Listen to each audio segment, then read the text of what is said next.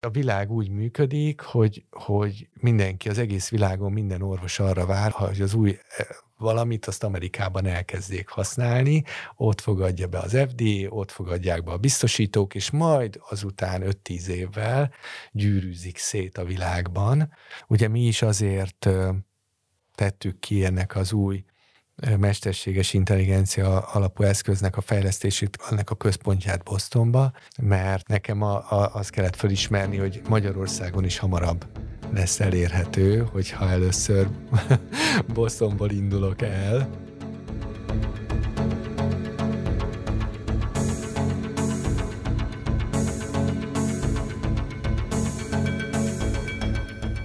Sziasztok! Ez a Boncasztal ötödik epizódja. Én Balázs Zsuzsanna vagyok, és mai vendégünket Peták István kutatóorvost, az Oncompass Medicine biotechnológiai cég vezérigazgatóját arról fogjuk Tóth András kollégámmal faggatni, hogy mennyit kell még várni a rák üzembiztos gyógyítására. Bár a Boncasztal podcastban arra vállalkoztunk, hogy témáinkat gyakorlati és elméleti szakemberek segítségével boncoljuk, az általunk megkeresett tucatnyi klinikai onkológus közül senki nem vállalta ebben a felállásban a beszélgetést. 30-40 évvel ezelőtt a rák diagnózis az egyet jelentett gyakorlatilag a halálos ítélettel, de a saját emlékeim szerint ritka is volt. És ma pedig ez ilyen gyakorinak tűnik, ez az én életkorommal van összefüggésben, vagy valami másnak is köszönhető, és valóban több a daganatos betegek száma. Talán szeretettel üdvözlöm a hallgatókat, és nagyon örülök, hogy erről beszélgethetünk, mert valóban a, a rák az egy olyan betegség, ami ősidők óta az emberiséggel együtt van. Ugye az egyiptomi eh, múmiákban is megtaláljuk a daganatos elváltozásokat, és a és azt is tudjuk, hogy a, az állatokban is előfordul, ugye a házi állatainkban, kedvenceinkben is. Tehát mindenképpen ez egy nagyon ősi betegség, ami mindig is itt volt velünk, sőt azt gondolom, hogy a, az élet hitkához van nagyon közel, ugye a, a DNS-hez, az örökítő anyaghoz, és a, az egészen a földi életnek a logikájához kapcsolódik, ezért a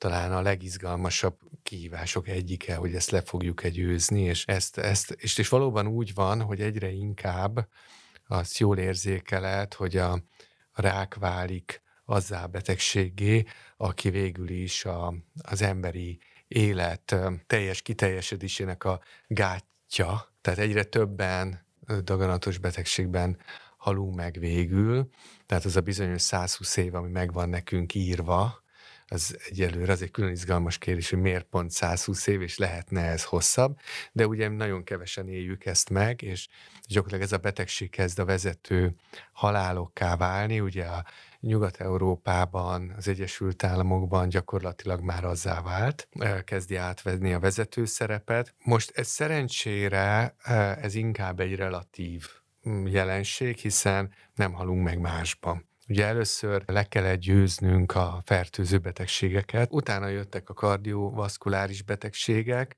amik vezették a halálokot, és abban is most nagyon sokat elértünk a vérnyomás csökkentőkkel, a fantasztikus szívkatéterezési eljárásokkal, tehát felére csökkent a kardiovaszkuláris betegségben meghaltaknak a száma, és ez mind-mind oda vezet, hogy, hogy így megéljük, hogy daganatos betegek legyünk, tehát nő a, az abszolút számuk is, bár a halálozás a, a rákban is elkezdett csökkenni, az Egyesült Államokban 30%-kal, Magyarországon is pár százalékkal. Tehát látszik, hogy most már tudunk valamit tenni ellene, a 2000-es évek elején, amikor a, a Human Genome projektet uh, befejezték, akkor volt egy ilyen nagyon nagy optimizmus, nagyon nagy várakozás abba az irányba, hogy, hogy innentől, hogy megvan a, a teljes emberi genom szekvenciája, betegségek sorát fogjuk tudni gyógyítani, és, és ebben nyilván uh, beletartozott a, a daganatos megbetegedéseknek a kezelése is. Ezekből az ígéretekből mi az, ami valójában megvalósult, és miért volt ennyire nehéz az, hogy, hogy ezek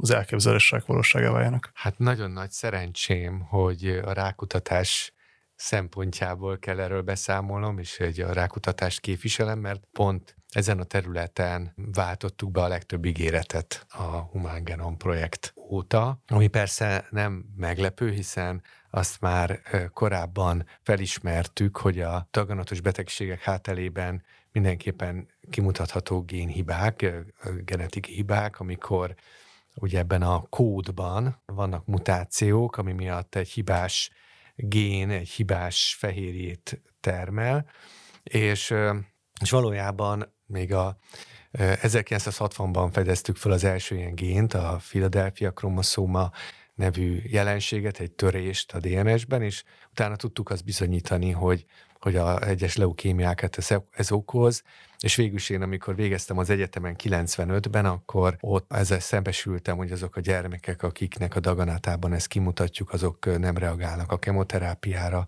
és már akkor fölmerült, hogy nekik célzott gyógyszert kéne kapni arra, ami a daganatokat okozta, arra a gén, arra a hibás gén hibás fehérjérire, és ez 2000-ben jelent meg. Tehát akkor már nagyon izgatottak voltunk, akkor jött ki a, az a, a Times-nak a címlapján, hogy The Magic Bullets Against Cancer megvan, hiszen azok a gyermekek, illetve azok a felnőttek, akiknek mondjuk kronikus műdleukémiában van, az három hónap helyett most már gyakorlatilag nagy, nagy rész meggyógyulnak. Tehát én is találkoztam olyan leukémiás beteggel, akit 2001-ben kapta meg ezt a gyógyszert, és 20 évvel később ott beszélgettünk, hogy ő milyen szerencsés volt. Tehát ezt tudtuk, de ugye aztán rájöttünk, hogy, na, hogy, a, hogy az emberi daganatokat nem egy génnek a hibája okozza, és ezt, ez a gén csak egy-két százalékért felelős, hanem ugyanazt a daganatot többféle génhiba okozhatja, és egy génhiba többféle daganatot okozhatja, és az volt a kérdés, hogy hogy találjuk meg ezeket. És 2003-ban a Humán Genom Projekt azért volt nagyon fontos mérföldkő, hiszen kellett egy normál temp plát, tudnod kellett, hogy mi a normális génszekvencia ahhoz, hogy összehasonlítsuk ezt a daganatokban talált génszekvenciával, és is szisztematikusan megtaláljuk a génhibákat, és azóta elindult ez a szisztematikus munka.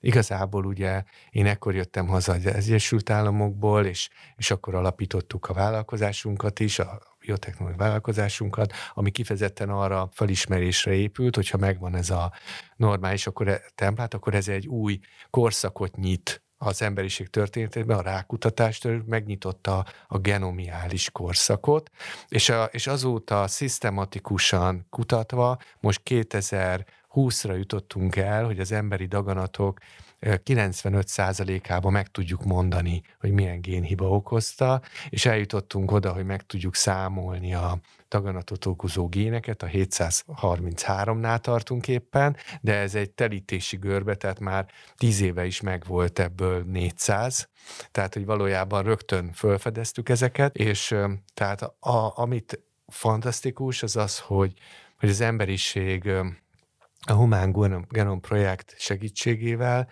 eljutott oda, hogy tudja, meg tudja mondani minden egyes betegnél, hogy az ő daganatát melyik génhiba okozta.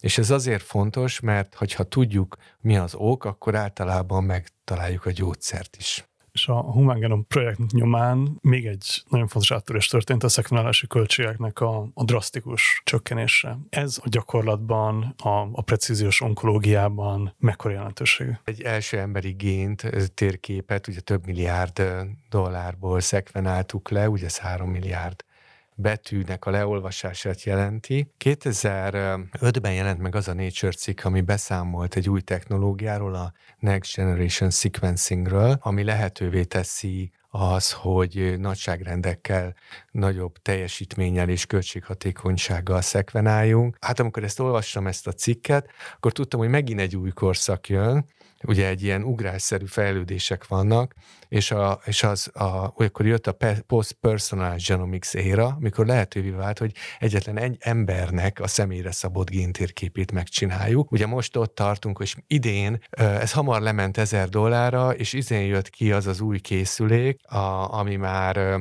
két-háromszáz dollárra vitte le a, egy emberi genom teljes leszekvenálásának a költségét. Ugye innentől kezdve kezünkbe került az a eszköz, amivel egy teljes profil tudunk készülni minden egyes emberről, és minden egyes emberből az összes gén meg tudjuk vizsgálni, és ténylegesen meg tudjuk mondani az összes olyan génhibát, ami jelen van az ő daganatában, ugye ez átlagosan 4-5, és ennek az információnak az alapján tudunk személyre szabott kezelést tervezni a precíziós onkológiában. Ugye a Human Genome projektnek a lezárulásával, már akkor a 2000-es évek legelején is ez a személyre szabott orvoslás, ez egy ilyen hívószó volt, amire mindenki nagyon lelkesen ugrott is, és ahogy említetted, azóta az is teljesen világossá vált, hogy minden egyes emberben, minden egyes tumornak a molekuláris felépítése és a molekuláris hibái, azok eltérnek valamelyest. Tehát indokolt lenne, hogy minden egyes ember külön-külön gyógyszereket kapjon. Az alapján, amit elmondasz, elméletben valóságosnak tűnik, de ehhez képest a gyakorlatban mennyire tud ez megvalósulni, és ha nem annyira, akkor mi az akadálya? Ugye az első ilyen gén, amit említettem a leukémiában, az ilyen volt, tehát úgy gyakorlatilag ezek a betegek ma már nagy részt meggyógyulnak ezzel a megközelítéssel, de Ugye aztán mi például 2003-ban kezeltük, pont a Humán Genom projekt évében mutattuk ki a, a, az egyik daganatot okozó génhibát egy tüdődaganatos betegnek a tüdőrákjában, és ott is tudtunk már arra egy olyan célzó gyógyszert szerezni, amivel a beteg tartósan daganatmentessé vált. Tehát tudtuk ezt demonstrálni, hogy ez működik. Ma már ezt a, ezt a gént rutinszerűen vizsgálják Magyarországon is, mint nagyon sok helyen, és ezek a betegek hozzáférnek Magyarországon is ahhoz a célzott gyógyszerhez, amivel mi 20 éve kezdtünk foglalkozni, de ma már ez rutin, sőt, az az állam is elérhetővé vált, hogy a gyógyszer bármilyen daganatos, daganat esetén használjuk, amiben amikor kimutatható a, a, az a génhiba, amire az a gyógyszer hat, tehát ez már a teljesen a molekuláris korszak eljövetele. Azt szoktam mondani, hogy tüdődaganatos betegeknek már ma Magyarországon is a fele valamiféle célzó gyógyszert és kezelést kap. És, és most már a, azt gondoljuk, hogy statisztikailag is kimutatható, hogy egy, elindult egy túlélés növekedés a teljes populáció szinten. Az első probléma az volt, hogy nagyon gyorsan kialakult ellenálló képesség a daganatban, hogy új mutációk alakulnak ki a, ezekben a génekben. Ezt most úgy tűnik sikerült legyőzni új generációs célzó gyógyszerekkel, mert a szerencse az, hogy végte, nem tud végtelen számú mutációt előállítani a gén, úgy, hogy megőrizze a funkcióját, tehát ez egy logikai gát, és a kémiailag ezt le tudtuk törni. Tehát ebben most már az új generációs célzógyók nagyon hat, ha, tartósan hatásosak.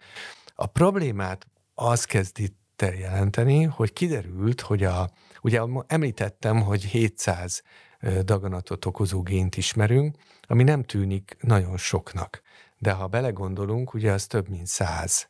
És ha több mint száz, akkor az átlagos frekvencia kisebb, mint egy százalék. És az eloszlás az nem egyenletes, hanem long tail, tehát vannak gyakoribbak, meg ritkábbak. És amit említettem, 5 százalékban előforduló gén, az valami nagyon gyakori.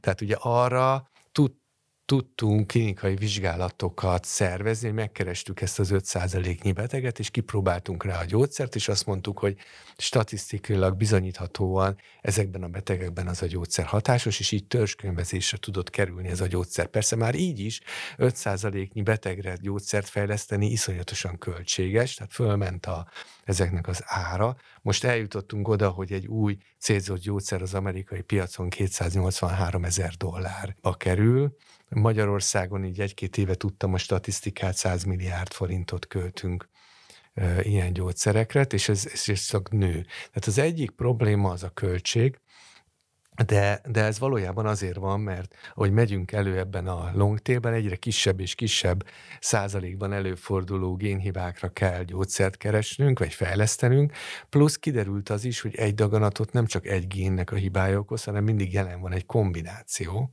Tehát ha már a 700-ból a kombinációkat nézzük, és még hozzávasztjuk azt, hogy egy génben több génhiba lehet, nem csak egy, hanem több száz, akkor pillanatkor látszik a probléma, hogy a betegek nagyon nagy részének egy ritka mutációkból álló kombinációja van, és ez egyre-egyre nagyobb nehézséget okoz abban, hogy előre haladjunk, hogy százalékosan több beteg férjön hozzá ez a precíziós onkológiai ellátáshoz. Praktikusan minden egyes betegben, minden egyes molekuláris mechanizmus egy picit eltérő, azt kellene, hogy jelentse, hogy minden egyes daganatra, tehát minden egyes páciensre egy adott gyógyszer kombinációt kellene legyártani. Igen, Végső soron igen, tehát végső soron e, abszolút ez a vége, hogy le kell gyártani mindenkinek, ami egyébként egyre közelebb kerül, mert ugye nagyon sok más technológiai fejlődés is közben zajlik.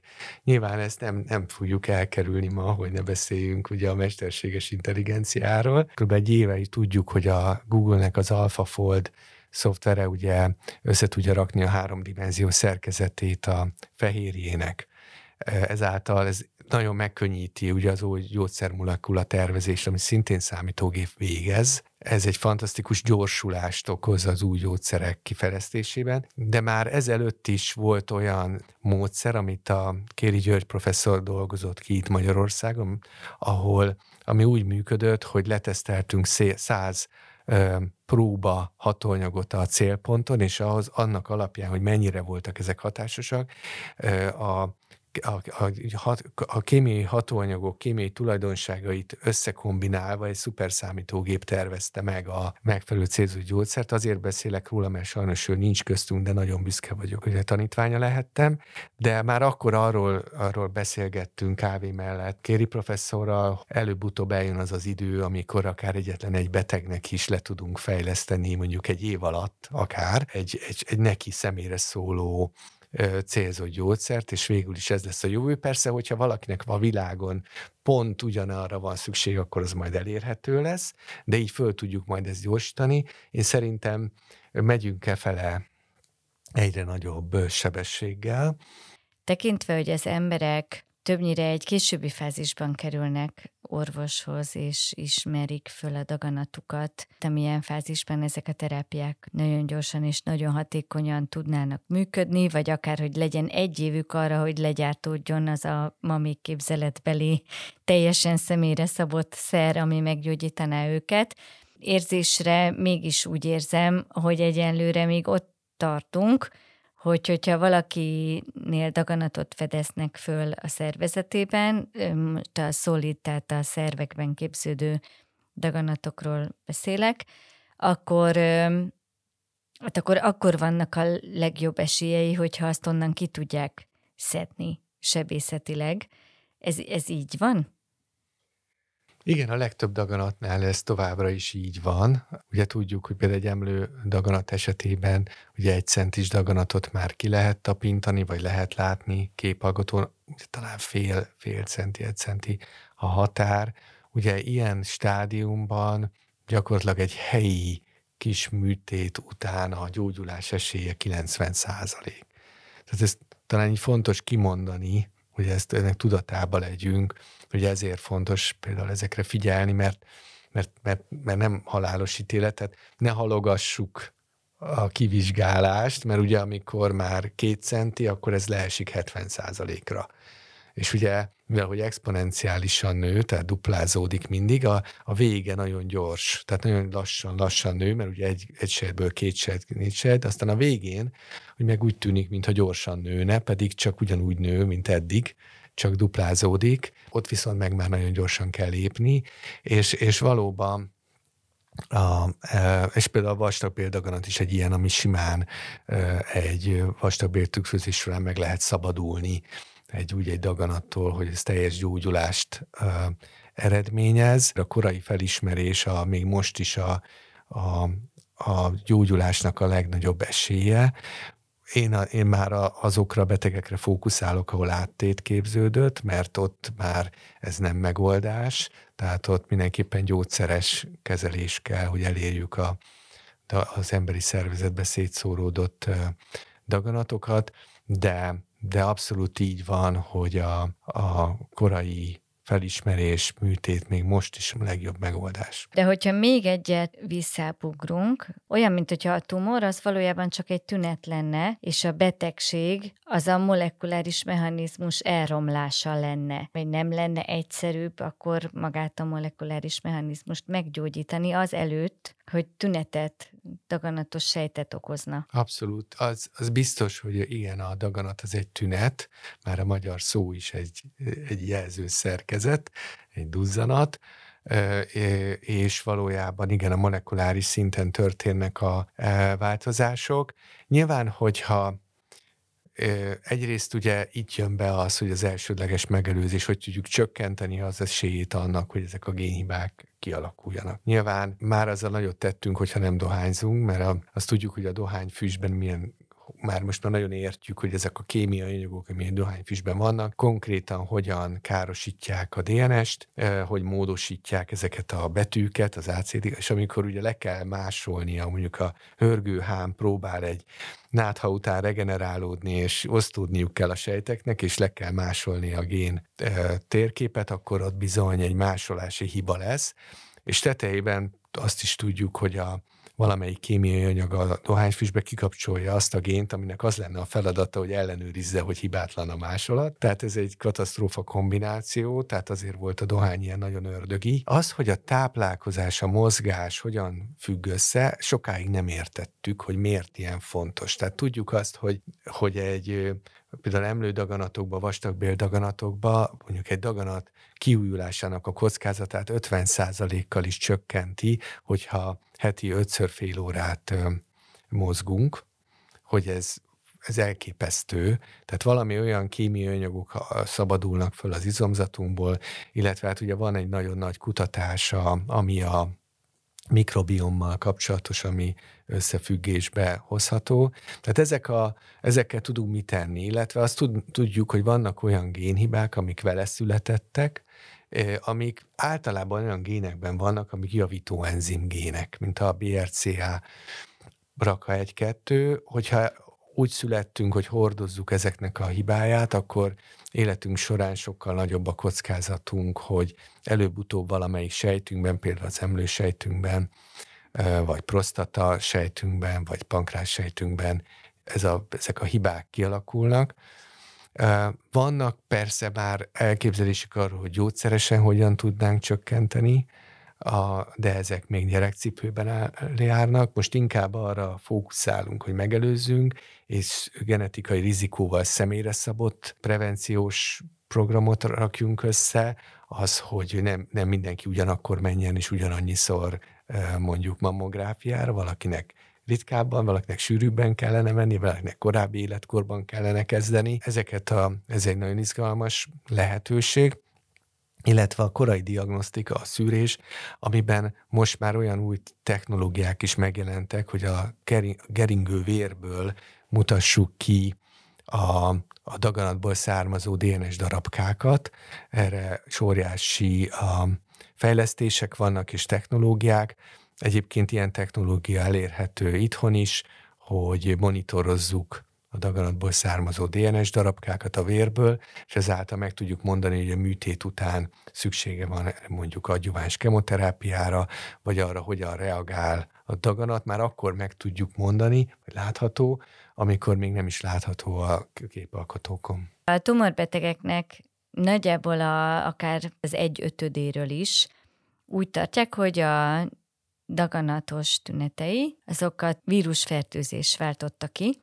Nem lenne egyszerűbb a védőoltások kifejlesztése ezek ellen, a vírusok ellen, tehát megint csak még mielőtt a daganatos betegség kialakulna. Mondjuk, ahogy a HPV-vel van is egy sikersztori. Igen, tehát a HPV mindenképpen egy sikersztori, egy fantasztikus, ugye ott, a, ott az a mechanizmus, hogy a vírus kikapcsolja azokat a fehérjéket, amik szabályoznák a sejtosztódást, mert ugye a vírus is a saját osztódását akarja elér, ugye, elérni a sejt által, ezért ki kell kapcsolni a leállító folyamatokat, és ezzel végül is ez egy mellékhatás, hogy utána ezek a sejtek elkezdenek osztódni, és előbb-utóbb összegyűjtik azokat a génhibákat a sok osztódás során, mint már tényleg sok lesznek, de mindenképpen a, itt a vírus egy elindító környezeti hatás, és, és valóban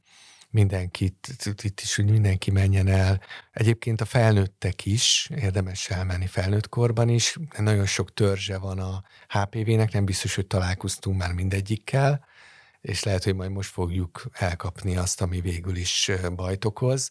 Én is felvettem ezt az oldást felnőtt korban, férfiként is. Ugye hát férfiaknál például azon túl, hogy nem akarunk gazdák lenni és továbbadni, másik cél az az, hogy, hogy a fejnyakdaganatok egy részéért is a HPV felelős, és ezeknek nő a száma fiatal férfiakban is.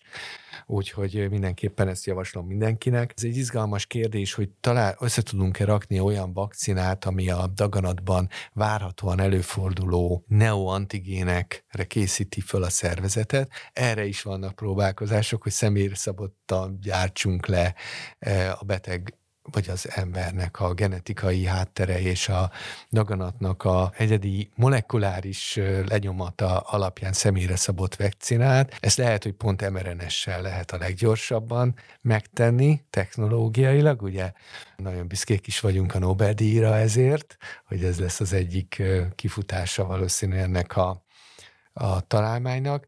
Az kérdés, hogy minden daganatot le fogunk ezzel győzni, mert nagyon sok az olyan génhiba, ami pont úgy hoz létre daganatot, hogy, hogy nem működik az a gén. És az ellen nehéz vakcinát fejleszteni, mi nincs.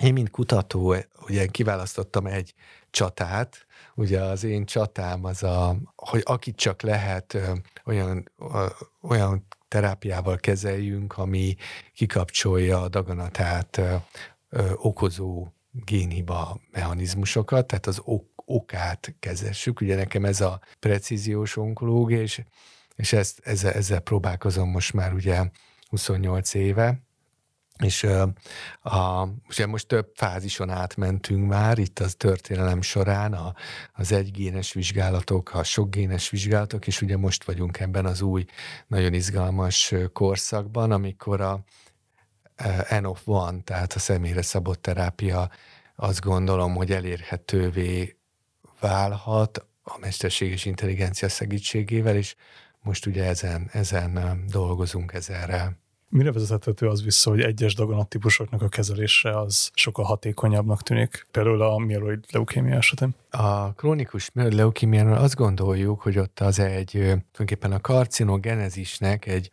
egy olyan fázisában kezeljük a beteget, ami nagyon korai valójában, egy krónikus fázisban, tehát már a vérbe látjuk ezeket a sejteket, de valójában ez még nem a teljesen kialakult daganat, az a blasztos fázisban jön létre, amikor több mutáció van. Tulajdonképpen ez egy prekancerózus állapot, a, a CML. Vannak olyan daganatok, amiket a jelenlegi korábbi, vagy azt mondanám, hogy korábbi generációs kemoterápiával is jól tudunk gyógyítani, gyerekkori leukémiák, akár pár felnőttkori leukémia, linfóma, illetve heredaganatok. Tehát van, van pár, ez fontos tudni, és, és sok más daganatnak meg tudjuk, ugye, tudjuk nagyon sikeresen meghosszabbítani a beteg életét. Akkor 20 évvel ezelőtt volt ez a kedvenc, és nekünk nyilván egy életünket meghatározó első tüdődaganatos betegünk, az egy klasszikus tüdőrák volt, többszörös áttétel, amire nagyon szkeptikus volt mindenki, hogy egy ennyire előre haladott,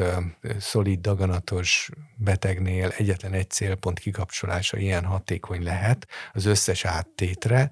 Ugye ez, ez meglepő volt, és ez egyszerűen csak azt mutatja, hogy a biológiában egy biológiai jelenség komplexitása nem jelenti azt, hogy az ok is komplex. Tehát lehet egy elindító olyan, ha megtaláljuk azt, a, azt az érzékeny pontot, és jól, jól célzunk, akkor összeomolhat a biológiai rendszer, egy nagyon komplex rendszer is.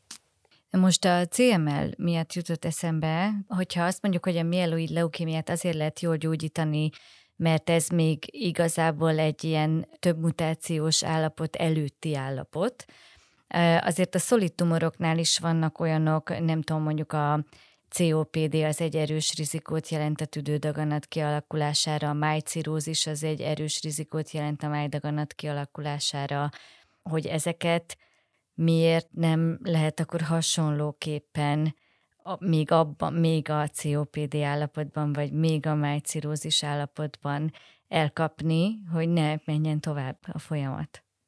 Nagyon, nagyon jó kérdés szerintem. Biztos, hogy érdemes lenne ezt, ezt kutatni, hogy hogy azok, mert ugye már azt tudjuk, hogy ezekben a rák megelőző állapotokban is kimutatható génhibák, már ott vannak, látszik, hogy szükségesek, de nem elégségesek még a teljes daganat kialakulása, hogy invazívá váljon. Ez egy nagyon izgalmas kérdés, hogy ilyenkor érdemes lenne-e elkezdeni már célzott kezelést ez, erre az állapotra, hogy ne is alakuljon át a daganat. Akkor térjünk át most a mesterséges intelligenciára, mert a BRCA már többször is elhangzott. Volt egy kisebb fajta, mondhatnám azt is botrány abból, hogy ugye a BRCA gén jelenléte, vagy kizárólagos jelenléte nőknél azt a feltételezést vonta maga után, hogy akkor emlődaganatra nagyobb az esélyük, és akkor többen főleg hírességeken keresztül lehetett erről ugye ismereteket szerezni, hogy aki nagyon megijedt, ott akkor előfordult, hogy ilyen megelőző műtéttel gyakorlatilag levetették a mellüket, hogy ne is legyen emlődaganatuk. De aztán kiderült később, hogy nem feltétlenül biztos, hogy erre szükség lett volna, mert nem feltétlenül biztos, hogy valóban kialakult volna az emlődaganat. Hogyan lehet el, egyáltalán előre jósolni, hogyha ennyire bizonytalan az egész képlet? Erre vannak jelenleg is egyébként guideline-ok, tehát szakmai ajánlások arra, hogy mikor, milyen megelőző beavatkozást javasol az orvostudomány olyan betegeknek, akik hordoznak egy ilyen génhibát. Vannak olyan mutációk, például a BRCA-ban és más génekben, aminek olyan magas a rizikó, hogy, hogy szerepel a prevenciós emlőmirigy eltávolítás a lehetőségek között hivatalosan. Lehet azt választani, hogy nagyon szigorú szűréssel, rendszeres, akár még fél évente MR vizsgálat, nagyon fiatal kortól, akár 25 éves kortól kezdve lehet védekezni, hiszen hogyha nagyon korai stádiumban derül ki a daganat, akkor, mint hallottuk, vagy beszéltünk róla, ez gyógyítható. Hát ez az egyik opció, de, de pszichológiailag lehet, hogy van, aki inkább azt választja, hogy ehelyett, hogy, hogy egy preventív műtétet választ.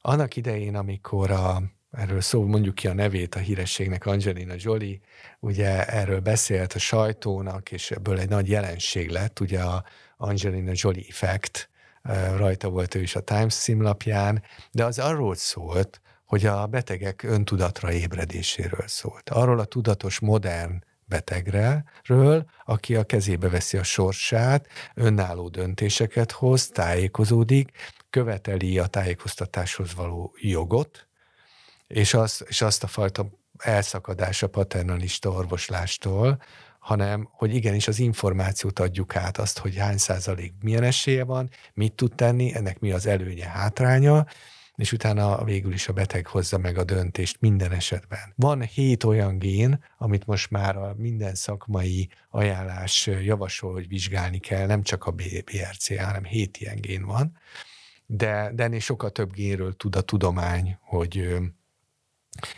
a daganat kialakulásának kockázat fokozza.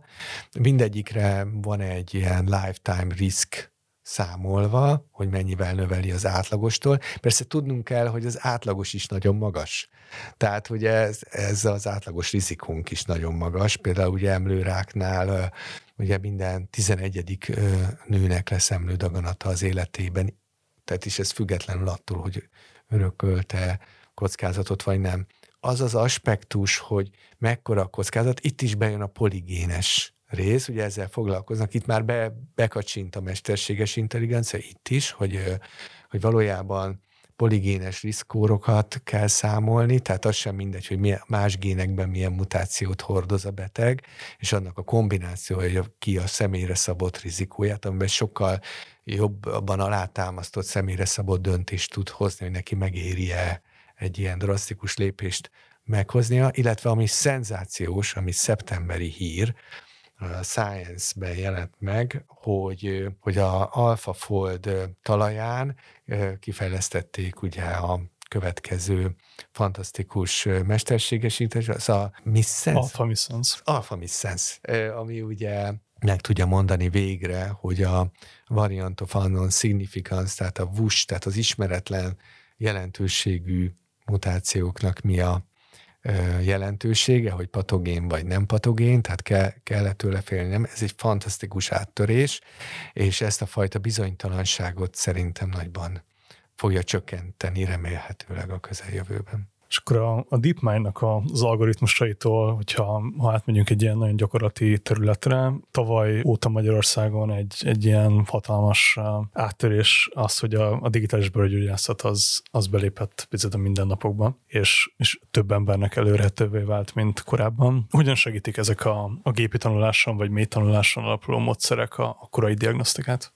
Igen, hát ez egy, ez egy low hanging fruit, hogy mondanám, hogy akár egy app, app segítségével magunknak tudjuk diagnosztizálni, ugye nyilván erről van szó, akár egy gyanús bőrelváltozást, és ezt már a mesterséges intelligencia esetleg besorolja, hogy mennyire gyanús, és, és tud minket figyelmeztetni, hogy nemes bőrgyógyászhoz elmennünk, vagy az a konzol, vagy egyből ezt meg is oldja. A képalkotóknál a egy mamográfiás képen, vagy egy tüdőcétén is már ugye a mesterséges intelligencia segít észrevenni a daganatot. Ez nagyban ugye növi, növeli a hatékonyságot, csökkenti az orvosigényt, és, és ad egyfajta minőségbiztosítást. Tehát, hogy nem vagyunk annak kiszolgáltatva, hogy éppen a mi leletünk, vagy a mi felvételünk melyik orvoshoz kerül, Ma még kombinációban használjuk a mesterséges intelligenciát és az embert,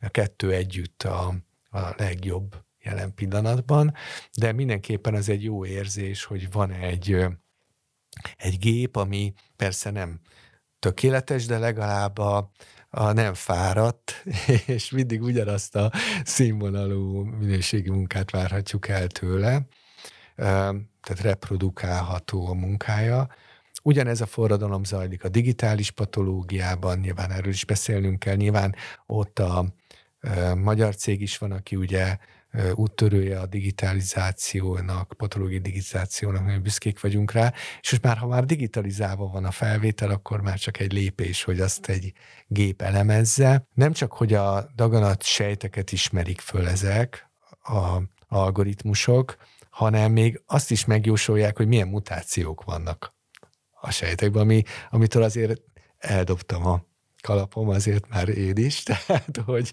hogy megmondják például, hogy HER2 pozitíve a emlődaganat, anélkül, hogy megnéznék, meg, megjelölnénk a HER2 gént, ami egy nagyon fontos vizsgálat, pusztán a, a mintázatból. Ez, ez elképesztő. És ti pedig az elmúlt években egy olyan szoftveren, ZDDA nevű szoftveren dolgoztatok, ami segít a megfelelő terápiáknak a kiválasztásában. Mi volt emögött a motiváció, és, és milyen hatékonyságot láttok? Digital Drug Assignment, így neveztük el abban a közleményben, amikor ebben beszámoltunk erről az eszközről. Az volt a kiinduló pontunk, hogy, hogy az a lineáris megoldás, hogy, hogy egy gén, egy gyógyszer, ez nem fog működni a betegek többségénél, hanem mindenképpen e, egy dimenzió ugrást kell végrehajtanunk azáltal, hogy, egy, hogy az összes a daganatban lévő összes génhiba lehetséges biológiai hatását bekalkuláljuk abba a predikcióba, hogy az egyik egy adott génre ható gyógyszer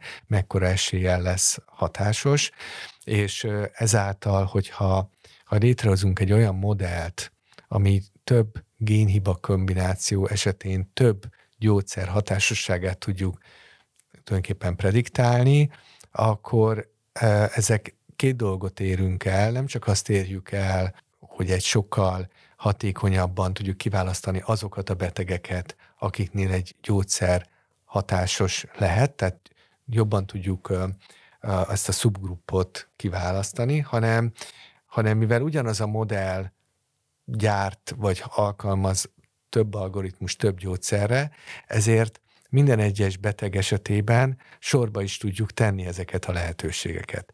Tehát be tudjuk tenni a beteget a központba, és azt tudjuk megmondani, hogy neki melyik lenne a legjobb gyógyszer. Ugye ez egy nagyon triviális gondolatnak tűnik, de a, a klinikai gyakorlatban, az orvoslás jelenlegi gyakorlatában ez nem triviális, mert ugye, ha van egy olyan gép, ami ezt a bizonyos NOF1 terápia tervezést, mint gép végzi, tehát a, ez tulajdonképpen egy AI Guided Therapy-nak is nevezhetjük, tehát egy mesterséges intelligencia alapján kiválasztott személyre szabott kezelés, akkor annak tudjuk mérni a hatékonyságát klinikai vizsgálatokban.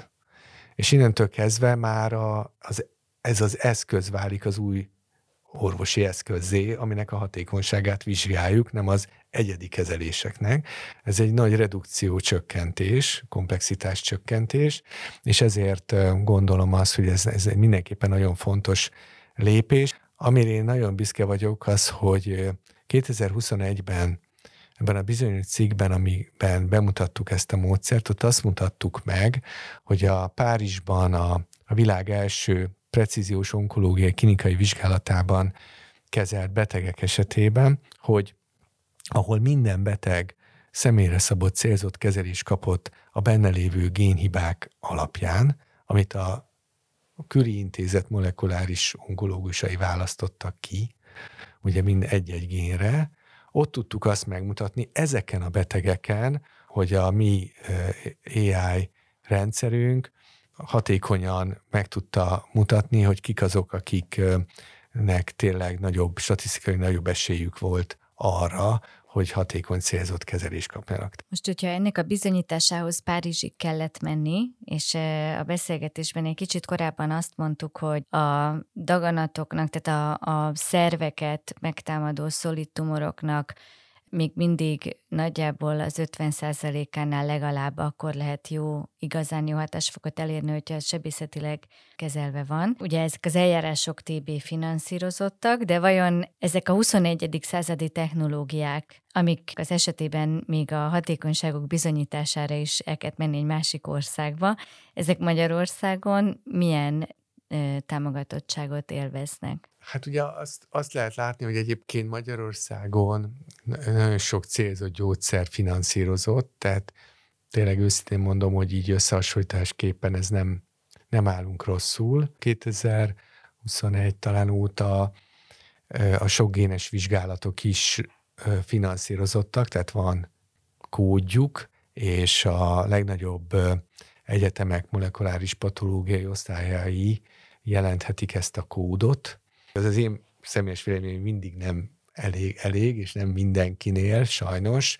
Én azt gondolom, hogy ennek rutinná kell válnia rögtön a, mondjuk egy főleg egy előadott beteg esetében már a első vonalas terápia megtervezés előtt célszerű, hogy ez az információ rendelkezésre áll, ugye ez, ez azért még, azért még sokat ten, kell tennünk, hogy ez minden betegnél így legyen. Az nyilván az egy személyes misszióm, hogy a legmodernebb technikák itt elérhetővé váljanak rögtön akkor, amikor a, mondjuk az Egyesült Államokban, ezért még sokat kell tennünk, és, a világ úgy működik, hogy, hogy mindenki, az egész világon minden orvos arra vár, hogy az új valamit, azt Amerikában elkezdjék használni, ott fogadja be az FDA, ott fogadják be a biztosítók, és majd azután 5-10 évvel gyűrűzik szét a világban. Ugye mi is azért tettük ki ennek az új mesterséges intelligencia alapú eszköznek a fejlesztését, annak a központját Bostonba, mert azt láttam, hogy így tudjuk azt elérni, hogy minél gyorsabban elterjedjen a világban. Tehát nekem a, a, azt kellett felismerni, hogy Magyarországon is hamarabb lesz elérhető, hogyha először Bostonból indulok el, mint hogyha innen próbálniam e, meggyőzni a bosztoniakat, hogy, hogy használják ezt az eszközt.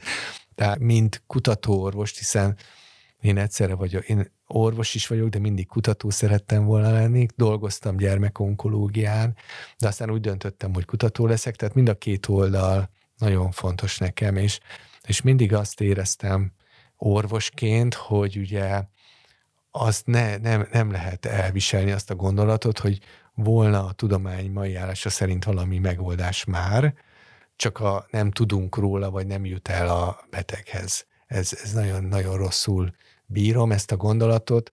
Az, hogy persze vannak a tudománynak határai, ezt mindenki be tudja látni és el tudja fogadni, de az, hogy, hogy nem hogy lenne megoldás, de nem jutott hozzánk az információ, azt nagyon nehezen. Úgy képzelem el, mint egy ilyen loopot hoznánk létre az univerzumba a célpont és a betegágy között, hiszen ugye akkor nem kell végigmenni a gyógyszernek a teljes fejlesztési soron, hogyha ha egy AI-ba megbízunk, hogy megmondja, hogy ez kell, és ez már klinikailag bizonyított, hogy meg tudja mondani, akkor ez egy több ezerszeres gyorsulás.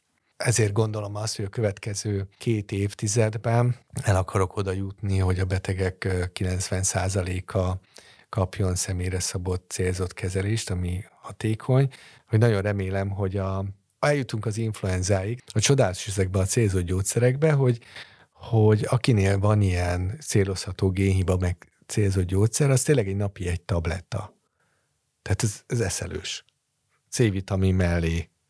És akkor nincs dagalat, ennyi. Tehát, hogy ez tényleg így van. Ezt még, még akárhányszor elmondom, még akkor is csodálat tudatosan nehezen. hangzik. Nehezen lehet ugye azt gondolni, hogy most ez egy komoly tudományos ismeretterjesztő műsor, vagy nem, de ez egy törzskönyvezett, Magyarországon is elértő gyógyszerek. Tehát ez, ez, ez olyan, mint a holdra szállás, hogy, hogy kimutatjuk a génszekvenciából a génhibát, a több milliárdból, és van egy kémiai anyag, ami pont, mint a kulcs az árba, pont abban a szerkezeti résben lép be, amit az, ez a mutáció okozott szerkezeti változást okozó fejlés, ez eljut a szervezetbe minden egyes sejtükbe, és ott ki mindenhol kikapcsol. Ez teljesen őrületes, de hogy valójában ez történik, és, és itt idáig eljutott a tudomány, és most meglökjük egy kis mesterséges intelligenciával, tehát egy újabb lépcs, gyorsulás van. A mutációk, ugye a, az alfa missense, az alfa fold, és utána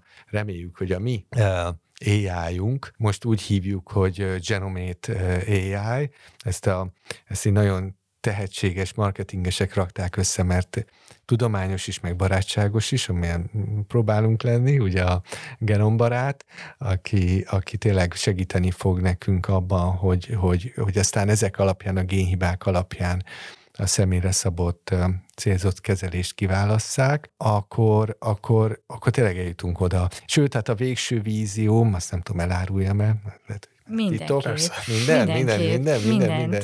Hát ugye a végső vízió az az, hogy lesz egy automata, lehet, hogy a kórház folyosó, lehet az utcán, be csak ugye egy kis nyálmintát kell adni, és kiadja a személyre szabott gyógyszert, hiszen végül is már minden adott ehhez, mert ugye le kell szekvenálni, a AI le meg kivászi gyógyszert, és kiadja, és a nevünk lesz a dobozom, mert csak az a kérdés, hogy amikor a C-vitamin mellé ezt a tabletet bevesszük, akkor ugyanúgy permanens hányinger fog-e minket gyötörni, vagy rosszul leszünk-e tőle, mint a most jelenleg alkalmazott kemoterápiás gyógyszerek többségétől. Most ebben ott tartunk, hogy ugye nyilván a kemoterápiás gyógyszerek többségén ez azért van, mert mi általánosságban hatnak a sejtosztódásra. Tehát tudjuk, hogy ez egy tüne, ezek leginkább tüneti kezelések, pont ezt a fokozott sejtosztódást kapcsolják ki, vagy teszik lehetetlenné, de hát nyilván ez a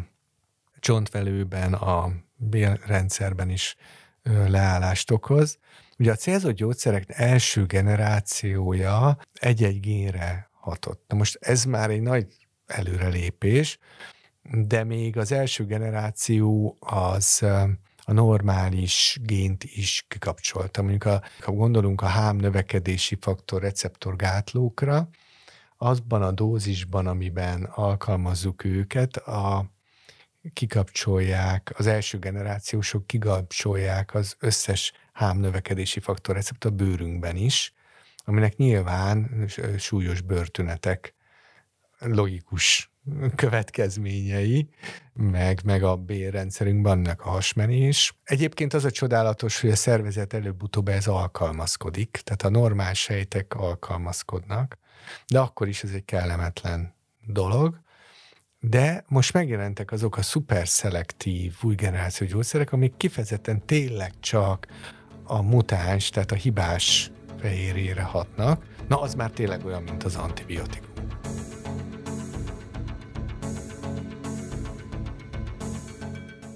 Ez volt az ötödik boncasztal. Köszönjük, hogy velünk voltatok. Iratkozzatok fel a Kubit Podcast csatornájára, és kövessetek minket minden platformon. Sziasztok!